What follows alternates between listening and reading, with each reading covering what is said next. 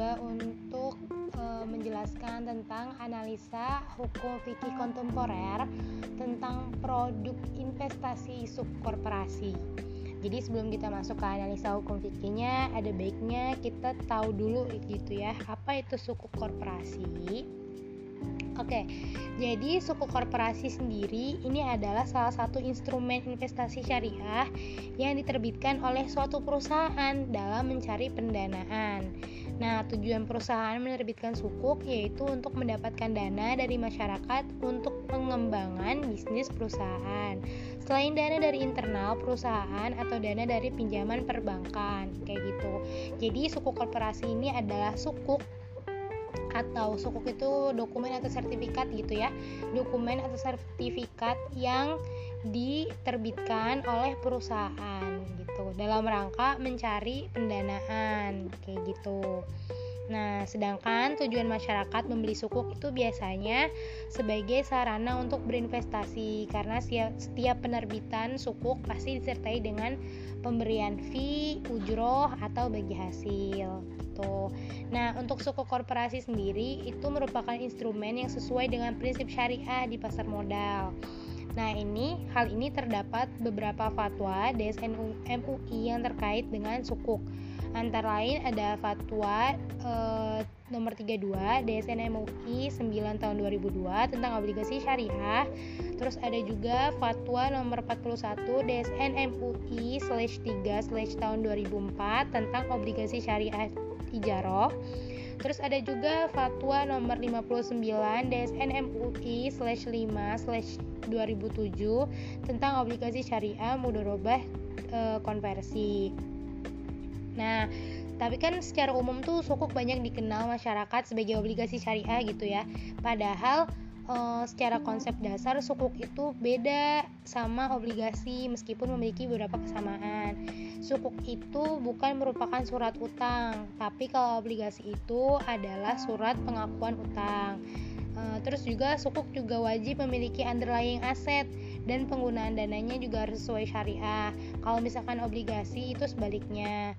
Nah, sukuk juga sukuk sama obligasi itu memiliki kesamaan uh, di apa ya jangka waktu tertentu gitu. Nah, sukuk biasanya dapat diterbitkan dengan berbagai macam jangka waktu, baik pendek, menengah ataupun panjang. Biasanya kalau misalkan pendek itu selama 3 tahun, menengah itu 5 sampai 7 tahun, kalau panjang itu biasanya e, lebih dari 10 tahun kayak gitu. Tergantung kebutuhan perusahaan kayak gitu. Nah, kalau karakteristik sukuk itu dia wajib antaranya punya e, sukuk itu bukan merupakan surat utang, tetapi surat kepemilikan atas suatu underlying aset. Terus yang kedua, wajib memiliki underlying aset dan akad. Yang ketiga, wajib memiliki tim ahli syariah untuk menjaga aspek kesyariahannya. Terus yang keempat, penggunaan dana sukuk wajib untuk kegiatan usaha yang sesuai dengan prinsip syariah, kayak gitu. Nah, setelah uh, apa ya?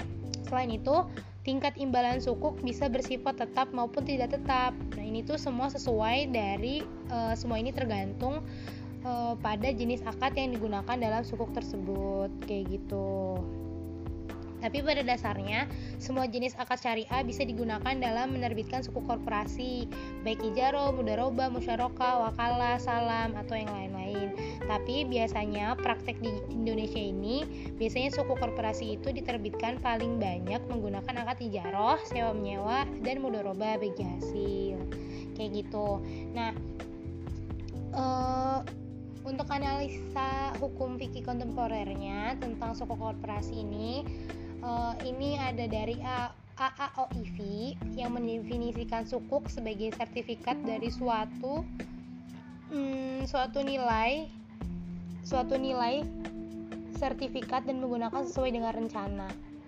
Sama halnya dengan bagian dan kepemilikan atas aset yang tangible, barang atau jasa atau modal dari suatu proyek tertentu atau modal dari suatu aktivitas tertentu, kayak gitu terus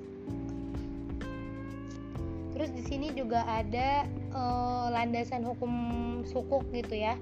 Ini diambil dari Al-Quran surat Al-Baqarah 275 ayat tentang riba ya orang-orang yang mengambil riba tidak dapat berdiri melainkan seperti berdirinya orang kemasukan syaitan lantaran tekanan penyakit gila. Keadaan mereka yang demikian itu adalah disebabkan mereka berkata atau berpendapat sesungguhnya jual beli itu sama dengan riba, padahal Allah telah menghalalkan jual beli dan mengharamkan riba. Orang-orang yang telah sampai kepadanya larangan dari Tuhannya, lalu terus berhenti dari mengambil riba, maka baginya apa yang telah diambilnya dahulu, sebelum datang larangan, dan urusannya terserah kepada Allah. Orang yang kembali mengambil riba, maka orang itu adalah penghuni-penghuni neraka. Mereka kekal di dalamnya. Itu dari Quran, lalu ada juga dari hadis. Uh, hadis ini dari Nabi riwayat Imam Al-Tirmidzi dari Amr bin Auf Al-Muzanni yang artinya perjanjian boleh dilakukan di antara kaum muslimin kecuali perjanjian yang mengharamkan yang halal atau menghalalkan yang haram.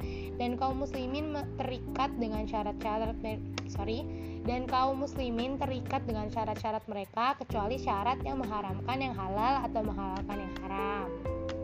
Kayak gitu. Terus ada juga nih kaidah fikihnya pada dasarnya semua bentuk muamalah itu boleh dilakukan kecuali ada dalil yang mengharam seperti itu. Nah, ini ada tambahan lagi, bahkan dalam Al-Qur'an itu uh, ada anjuran gitu, ada anjuran untuk melakukan investasi. Ini dalam Al-Qur'an surat An-Nisa ayat 9 yang ber, yang artinya dan hendaklah takut kepada Allah Subhanahu wa taala yang seandainya meninggalkan di belakang mereka anak-anak yang lemah yang mereka khawatir terhadap kesejahteraan mereka. Oleh sebab itu, hendaklah mereka bertakwa kepada Allah Subhanahu wa taala dan mengucapkan perkataan yang jujur. Nah, ayat ini tuh merupakan anjuran investasi anjuran berinvestasi gitu dengan mempersiapkan generasi yang kuat baik aspek intelektualitas, fisik, keimanan maupun aspek ekonomi gitu.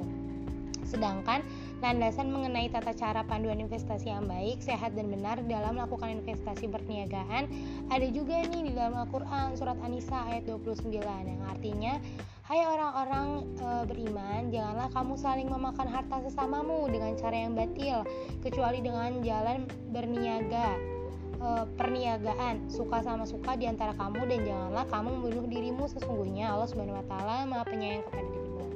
Nah, ayat ini merupakan panduan atau cara dalam berinvestasi yang sesuai dengan aturan syariah dengan melakukan aktivitas perniagaan disertai rasa saling ridho bagi semua pihak yang terlibat.